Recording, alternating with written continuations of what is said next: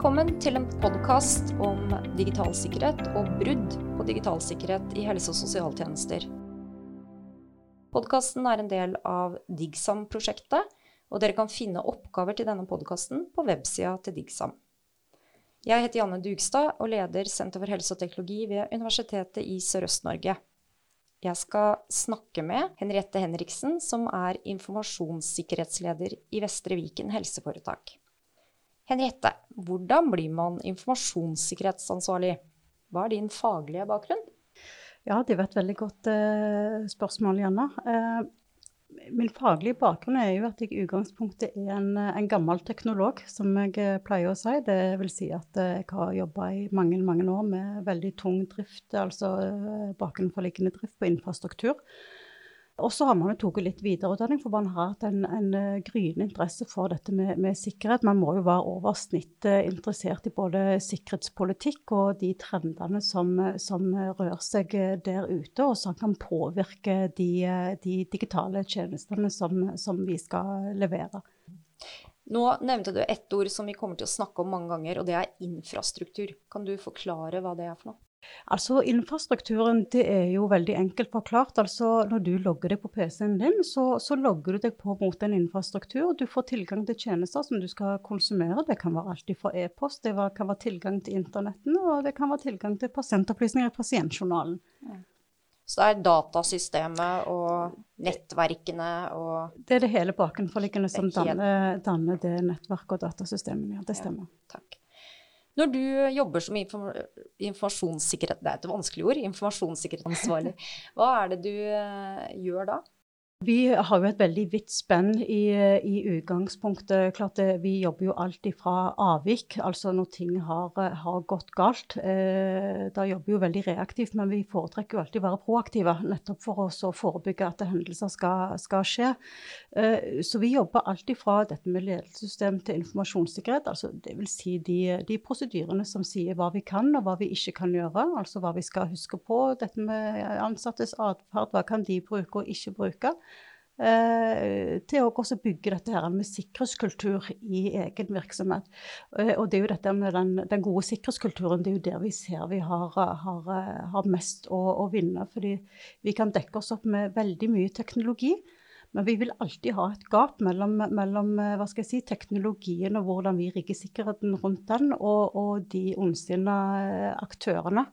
Eh, og det gapet der, det må vi dekke med bevisste brukere hos oss. Så vi bruker veldig mye tid mot det. Mm. Så dere jobber mot f.eks. de som jobber uh, ute i tjenestene? Altså de som er ansatt ute i tjenestene?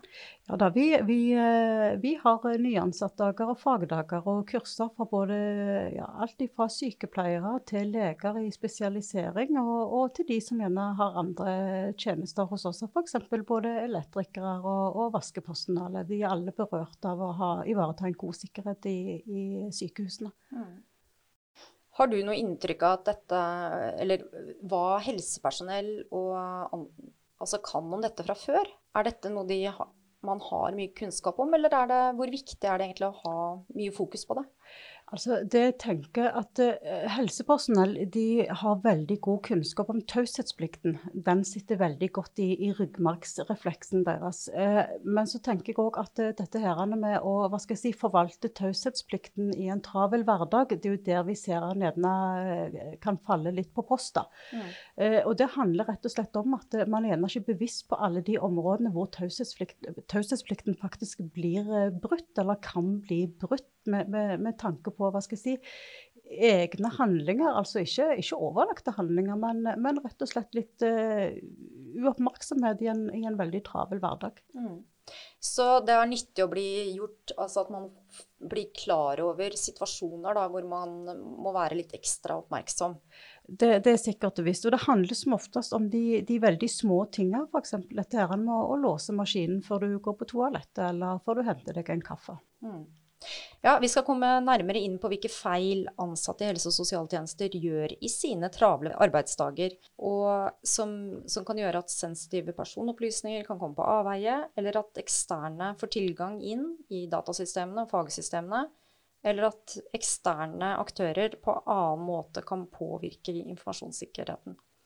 Og så skal vi diskutere hva man kan gjøre etter at en slik hendelse har blitt oppdaga. Hva ledelsen gjør, hvordan pasienter eller andre berørte blir informert, og hva vi som jobber i en organisasjon kan eh, gjøre for å lære av feilene og for å komme videre.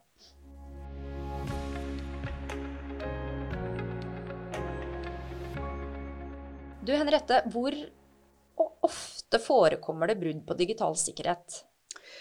Altså, jeg vil, eh, jeg vil, påstå at det, det forekommer daglig. Eh, og så tenker jeg at her kan vi differensiere på, på, eh, på to, to, områder. Vi har, eh, har, alle forsøkene på inntrengning i den bakenforliggende infrastrukturen, altså det som de ansatte ikke, ikke ser eller merker noe til. Der har vi flere millioner hendelser i, i døgnet hvor eh, majoriteten faktisk blir stoppa av vår IKT-leverandør.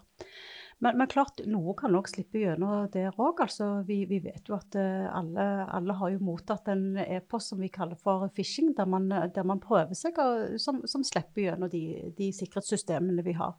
Men så har vi òg sikkerhetsbrudd som går gjerne på dette med atferd. Vi var jo så vidt innom det. Uh, dette er noe som handler om å, å, å låse maskinen, bruk av mobiltelefoner. Og så vet vi at eh, her har vi mørketall. Eh, nå har vi nettopp kjørt en sikkerhetsundersøkelse i, i Vestre Viken for å prøve å avdekke disse forholdene. Eh, for vi ser at det er svært lite avviksmeldinger på det. Og det tror jeg ofte òg handler om at, at, folk gjerne ikke helt klar over at dette er et avvik i utgangspunktet, før man gjerne, noen gjør de oppmerksom på det. Ja. Så, så, vi håper at vi på sikt kan få enda bedre tall på det. For dette, vi vet at det skjer daglig. Det vet vi. Men hva er de vanligste feilene da, som ansatte i helsetjenesten gjør? Feil, feil og feil. Altså, eh, jeg, liker ikke å si at man har feil heller, altså, for det, det, handler om at man, man, man, eh, man, har en veldig travel hverdag, og, og, man skal rekke over ganske mye. Og det å være gjerne litt uoppmerksom, vil jeg gjerne kalle det. Eh, det kan gå alt på å fra, gå fra maskinen ulåst så står gjerne da pasientjournalsystemet eh, oppe og tilgjengelig for, for, ganske mange, både andre ansatte og, og besøkende. Uh, vi har dette her med å sende si, sensitiv informasjon på e-post. Uh, man bruker jo e-posten i alle andre sammenheng. Og, og, til og med både bank og politi sender jo gjerne informasjon på e-post. Hvorfor skal ikke vi i helsesektoren gjøre det? Det er jo et veldig enkelt eh, og brukervennlig system, men, men det innehar ikke den eh, tilstrekkelige sikkerheten som vi krever til å behandle eh, sensitiv informasjon. Og så ser vi òg eh, det siste elementet som er på fullt inntog inn, og det er jo dette med bruk av mobiltelefoner og bruk av kamera, rett og slett. Altså man, man skal gjerne dokumentere gjerne en skade som har skjedd, og så tenker man seg at dette er sin egen private mobiltelefon, og så, og så har man eh, plutselig pasientsensitiv informasjon på sin private mobil, og så har vi hatt noen tilfeller der de har automatisk opplasting til en sky hvor de lagrer bildene sine. Så da, da, har, vi, da har vi tatt det til et nytt nivå igjen. Og, og, og, det ser vi er noe som treffer oss mer og mer. Er det eh, en, en, annen ting som jeg har hørt om, da, og som egentlig har vært diskutert eh, i alle år, også før vi fikk datasystemer, det er jo dette med å gå inn og se Sjekke opp noen journalopplysninger på, på noen du egentlig ikke har et faglig ansvar for der og da. Ja, eh, det ser vi jo. Det, det treffer jo også eh, rett, rett, som det er. Eh, I utgangspunktet så sier vi jo alltid det. Det å ta et oppslag på, på en pasientopplysning, det krever et hjemmelsgrunnlag. Hjemmelsgrunnlaget som oftest, og det som vi kan si noe om nå, det er jo det at du, du skal yte helsehjelp. Det er et eget hjemmelsgrunnlag i seg selv. Og Så har vi jo andre som forskning og kvalitetssikring. Eh, men vi vet jo at man gjerne tar, eh, tar oppslag på f.eks. egne barn. Eh, foreldre, eh, og det kan være de beste intensjoner, det, men det er veldig sjelden man yter helsehjelp til, til, til nære relasjoner. Som regel så ønsker ikke helsepersonell å gjøre det sjøl. Eh, men vi har òg hatt noen, eh, noen tilfeller der, der, man har tatt oppslag på f.eks. kollegaer Uh, igjen så var jo det de beste intensjoner. Jeg vil gi et lite eksempel på det. Det er jo mange år siden. Men, uh, men uh, vi hadde en, en, ansatt som var i lykkelige omstendigheter og venta barn. Eh, og kollegaene hadde jo veldig lyst til å, å, å gjøre stas på, på sin kollega, og syntes dette var veldig hyggelig. og ja, Kollegaene ble sykemeldt i kort tid før fødsel. og, og de ansatte hadde jo tenkt at de skulle være hyggelige, ikke, ikke plage henne med masse spørsmål om hun hadde født osv. Så, videre. så de tenkte de skulle gjøre noe klokt, og det var jo rett og slett å ta oppslag i, i fødesystemet for å se om de fant henne der. Eh, og det gjorde de jo til slutt. Eh, kollegaen hadde født, og man så ut ifra fødselsnotatene at det hadde i grunnen vært en litt dramatisk fødsel òg, og de ble jo veldig bekymra. Dermed tok de òg oppslag i pasientjournalen for å høre hvordan det hadde gått det endte jo iallfall med at, eh, at, eh, den fødende hun fikk jo både blomster og konfekt og gratulasjoner og de beste ønsker fra, fra sine kolleger. Eh, og, og syntes var, som syntes dette var veldig, veldig artig og gøy at, når den lille hadde kommet. Eh, men den ansatte som hadde født, den, den var jo ikke like begeistra. Fordi fødselen hadde jo vært litt eh, traumatisk. Og så hadde man heller ikke sagt noe om fødselen til annet enn den nærmeste familien. Nettopp for å skape litt ro rundt hele situasjonen. Eh, og klart, Da ble man jo litt spørrende til hvordan disse, disse opplysningene hadde dukka opp. Og da fikk vi beskjed at vi må gå inn og se i innsynsloggen i de ulike systemene. For vi logger jo alt. Mm. Eh, og da ser vi jo at det er, er, oppslag både i eh, fødesystemet, det er oppslag i pasientjournal, og det gir jo vi ut til den ansatte, som nå sånn sett var å regne som, som pasient hos oss. Og, og, og klart det, det, det, gjør noe med, med arbeidsmiljøet på, på den avdelingen òg, i tillegg til. fordi klart hun eh, var jo veldig skuffa og lei seg over at kollegaene tatt oppslag om det og igjen var med de beste intensjoner. Uh, men jeg tror òg de andre ansatte plutselig fikk en liten sånn aha-opplevelse. At uh, hvis vi kan ta oppslag på henne, så hvem har tatt oppslag i min journal? Mm. Uh, så dermed så hadde vi en liten runde på det. Men, uh, men det som vi sier, gode intensjoner er ingen hjemmelsgrunnlag for, for oppslag i journal. Når det gjelder det der med oppslag i journal, Henriette, så sa du at dere har at det, det er jo en logg på det. Mm. ikke sant? Eh, og det vil si også da at hvis en pasient eh, får har mistanke om at noen har fått opplysninger om en sjøl, så kan man, kreve å få den loggen utlevert. Det var sånn, ikke sant? Ja, det er en eh, pasientrettighet de har. Så, så dermed så er vi òg eh, lovpålagt å ha den innsynsloggen. Og der logger vi alltid ifra eh, hva folk har tatt oppslag i, hva de har skrevet i, noe, i pasientjournalen. Har de skrevet ut noe? Alt blir logga. Og mye av disse loggene er jo òg tilgjengelig direkte for pasienten via Helse Norge. Eh, portalen. Klart Den loggen der er ikke like utfyllende, men, men, der ser de mye. Og så ender det som regel opp i at vi eh, mottar en henvendelse fra pasienten der de ønsker en utfyllende.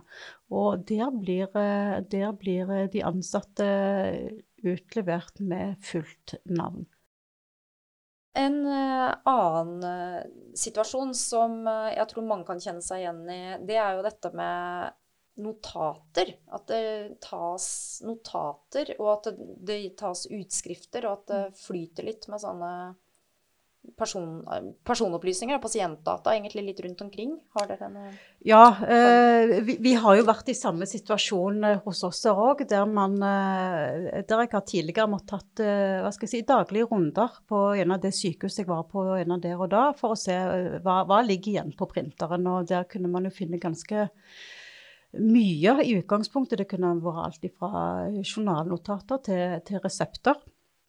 Eh, heldigvis har vi kommet oss videre. Eh, nå har jo mange bedrifter, inkludert oss i Vestre Viken òg, vi har jo det vi kaller for sikker print. Dvs. Si at vi sender, sender, til print, men vi får jo ikke henta ut før vi kommer fysisk til printeren og legger på kortet vårt.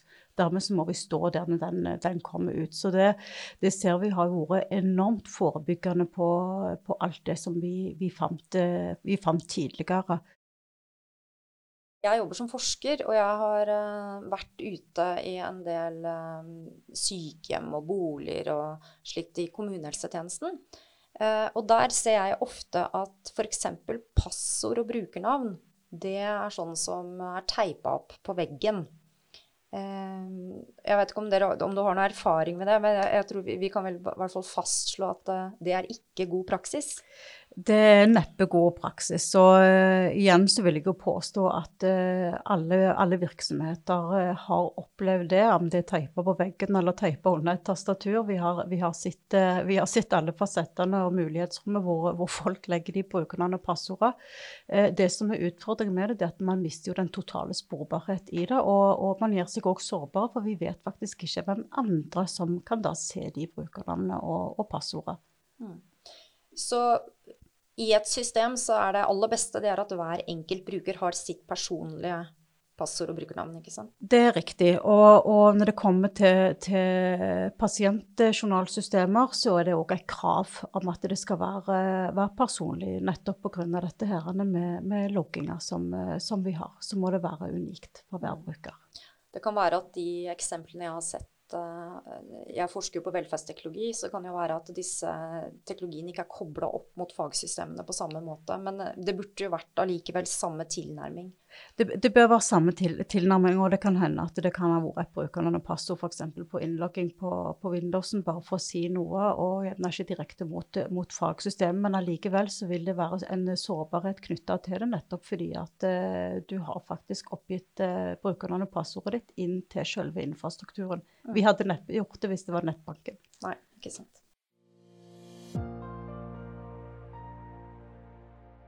Da tenker jeg at vi skal gå over til eh, det neste hovedtemaet vårt, som er når en sånn hendelse har skjedd, at det har vært et brudd på personvern eller informasjonssikkerhet. Eh, hva gjør man egentlig da? Ja, det er et veldig godt spørsmål, Janne. For det er klart det kommer jo litt an på, på hva informasjonssikkerhetsbruddet består av. da. Men, eh, men Eh, klart Når vi har identifisert og klart Hvis det er et, et stort brudd, f.eks. et hackerangrep på, på, hele virksomheten, der, så har man gjerne både vært gjennom eh, beredskapssituasjoner der vi har hatt gjerne både kriseledelse og krisestab. Men, men, eh, og vi har gjerne også eh, foretatt mitigerende tiltak og fått, fått driften på sjøl. Men så er jo spørsmålet hva gjør vi etterpå? For det er jeg jo veldig opptatt av at vi skal både snakke om det for at dette har veldig god læringseffekt. Og som oftest skal vi òg eh, melde, melde, det til, til, diverse tilsynsmyndigheter. Datatilsynet vil jo alltid være en instans som melder sikkerhetshendelser til av, av, alvorlig karakter. Eller hvor vi ser at det er brudd på personvernet til, til pasienter og brukere. Mm. Nå brukte du et annet faguttrykk. Og det var mitigerende tiltak. Ja, Det er grunnet et veldig litt fælt ord i utgangspunktet, skal vi innrømme det. Altså, det er jo risikoreduserende tiltak. altså Man, man blir litt fagprega, man, ja. man, gjør det, altså. Så det, her, her, har vi en som jobber med sikkerhet, veldig mye å lære. Og at vi må huske å gjøre oss forståelig for brukerne, slik at de skjønner hva vi faktisk budskapet vårt består av. Ja. Um, Helsepersonell bruker også veldig mye faguttrykk, så det, det, er en ganske kjent situasjon. Så når vi skal kommunisere med både brukere og pasienter og, og pårørende også. Eh, sånn at vi, når det først oppstår en hendelse, så må man jo gjøre tiltak for å, for å stoppe hendelsen så godt man kan. Det, og det er det jo ledelsen som gjør da, og som, altså de som jobber med mm. sikkerhet, som har det som ansvarsområde, som gjør det. Og så har man dette med skadetid også. For det, det kan jo være sånne type skader, ikke sant. At eh, f.eks. at datasystemene går ned, da. Så da må man kanskje ha noen rutiner for hva, hva skjer da? Altså, jeg vil jo si at uh, Hvis vi havner i en situasjon hvor, uh, hvor uh, datasystemene våre går ned, så er vi i utgangspunktet godt over i en, en beredskapssituasjon av et gitt nivå. Eh, det vil si at det er viktig at virksomheten har gode beredskapsplaner, slik at man, eh, man er i stand til å yte den tjenesten som er primærhovedmålet vårt. Så det, hos oss vil jo det være å yte helsehjelp. Det skal vi være i stand til, uavhengig om systemene er oppe eller, eller nede. Mm. Og da er det jo eh, som ansatt, da, det, det, som skjer for de ansatte, da, altså helsepersonellet, det, eller eh, hvis man er en sosialtjeneste for den saks skyld, så, så, vil jo det være at man faktisk da må kunne gjøre jobben sin selv om man ikke har disse systemene tilgjengelig. Det stemmer. det mm. stemmer. Og, og derav er det jo òg veldig viktig at man trener på slike situasjoner, slik at man ikke havner i en setting der at det, eh, når det først går ned, så vet man gjerne ikke helt hva man skal gjøre. Så eh, trening, trening, trening på disse områdene her òg. Og det er ledelsens ansvar at det skjer, men som ansatt så må man ta del i en sånn type trening og opplæring. Og det, det, stemmer, det vil jo alltid være et, et ledelsesansvar. Men, men, klart du har òg et ansvar som, som, ansatt å ta aktiv del i en, i en slik, slik, trening som det. Mm. Og så er det jo sånn at de som er berørt av dette, som, ikke bare de som jobber der, da, selvfølgelig, men, men de som er pasienter eller pårørende, eller er brukere av en tjeneste, de får også beskjed på noe vis. Og nå, vi snakket jo litt om det i sted. At hvis det er et sånt oppslag i journal hvor noen som ikke egentlig hadde tilgang, eller hadde noe rettferdiggjort grunn til å gå inn og, og lese journal, at de har gjort det, da, da kan man få beskjed om det. Det jeg ikke spurte deg om i stad når det gjelder akkurat det med journaloppslag, og at dere har disse loggene, det er Har dere noe system for å følge med på det? Er det sånn at dere f.eks. oppdager hvis noen uvedkommende er inne? Ja, altså i dag så kjører vi jo manuell kontroll. Eh, I tillegg til så kan det jo hende at leder har mistanke om, eller at andre har varsla, eller at eh, både pasienter og pårørende sjøl har en indikasjon på at eh, uvedkommende har vært inne i journaler. Da tar vi òg og kjører kontroll. Nå skal vi igangsette et, eh, et større prosjekt som, eh, som, eh, skal automatisere dette her for oss. Dvs. Si at vi har gitt noen gitte kriterier og parametere som, som, som gir indikasjon på, på uberettiget oppslag, slik at uh, vi skal få en, uh, få en bedre både kontinuitet og, og, og, bredde på hva vi faktisk klarer å, å, fange opp. Og alt dette handler om det syvende og sist òg å, skape tillit ute til pasienter og, og brukere. Mm. Og så snakket vi jo i sted da om at uh, hvis en sånn hendelse skjer, og man oppdager det, og pasienter er involvert, så blir de varslet. Pasientene blir alltid varsla når det har vært uvedkommende inni, inni, journalen deres. I tillegg til så vil vi jo ofte sende en, en melding til Datatilsynet om eh, at eh, vi har hatt brudd på personvernsikkerheten, og, at, og, hvilke tiltak vi har iverksatt både for den, den forulempa, men ikke minst òg de, de interne. Mm. Men sånn internt, da, altså i organisasjonen eller virksomheten eller på en avdeling, uh, det, gjør man noe annet da rundt, rundt altså Du hadde jo dette eksempelet med, med, den fødselen hvor noen uh, sjekka noen opplysninger som de ikke burde ha gjort. Uh, er, er, det sånn at man går inn og tar tak i det på avdelingen, eller hvordan gjør man det? Ja, altså jeg henstiller jo alltid til å snakke om det. Uh, idet man snakker om, om, om, avvik som har skjedd, så får man òg løfta bevisstheten opp på et helt annet nivå. Ikke for at vi har et behov for å hva skal jeg si, nei, men shame. Eh, det er ikke det som er intensjonen, men det er jo det som øker, øker forståelsen. Hva kan man gjøre? Hva kan man ikke gjøre? Hva er eventuelle konsekvenser og ringvirkninger? Eh, vi er veldig opptatt med dette, at de må forstå dette her med, med pasientenes behov til tillit for, for, til helsesektoren. Eh, men det kan òg være at eh, vi skal se litt på hvorfor har i grunnen situasjonen eller hendelsen oppstått eh, overhodet. Kan vi gjøre noe med innrettingen? Kan vi gjøre, er, det, er det arbeidssituasjonen som er årsaken? Men, men til syvende og sist, dette her er det snakk om det, som jeg alltid sier. Mm. Så det er en sånn type debrief, da? Det, det blir jo en debrief på det som, det som, har skjedd. Og det er jo rett og slett det å lære av, av hendelsen. Og så kan man jo si at det vil jo være veldig reaktiv i, i, eh, sett opp mot hendelsen i så måte, men allikevel så vil det være proaktiv for, for kommende. Mm, ja, så, så, vi eh, deler kunnskap, erfaringer, lærer noe av det, og, og så går vi videre. Nettopp. Og det er det som er en del av sikkerhetskultur. Mm, ja.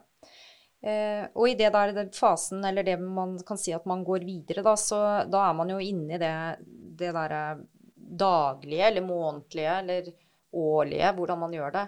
Eh, arbeidet med sikkerhetskultur. Ja, det, det, stemmer. Altså, klart Vi, vi henstiller jo alltid til å, å, ha dette som en i alle fall månedlig agenda. Eh, det er rett og slett òg fordi at eh, det, det er ikke lovverket som endrer seg så veldig ofte. Det, det er tunge, store, lange, dryge prosesser. Men, men teknologien og, og, trusselbildet det endrer seg eh, ganske raskt. Så det er gjerne hele veien nye områder og momenter som vi må være på vakt på. Men, men klart også, vi har jo hele veien gjerne litt nytt helsepersonell inne òg, og klart de mm. skal òg komme inn i, i, i dette tankesettet her. For til syvende og sist så, så er det pasientopplysninger vi skal verne om. Da har vi snakket om digital sikkerhet og hvilken atferd ansatte i helse- og sosialsektoren bør ha for å bidra til å ivareta personvern og informasjonssikkerhet. Takk til informasjonssikkerhetsansvarlig Henriette Henriksen i Vestre Viken helseforetak, og takk for at dere har hørt på podkasten.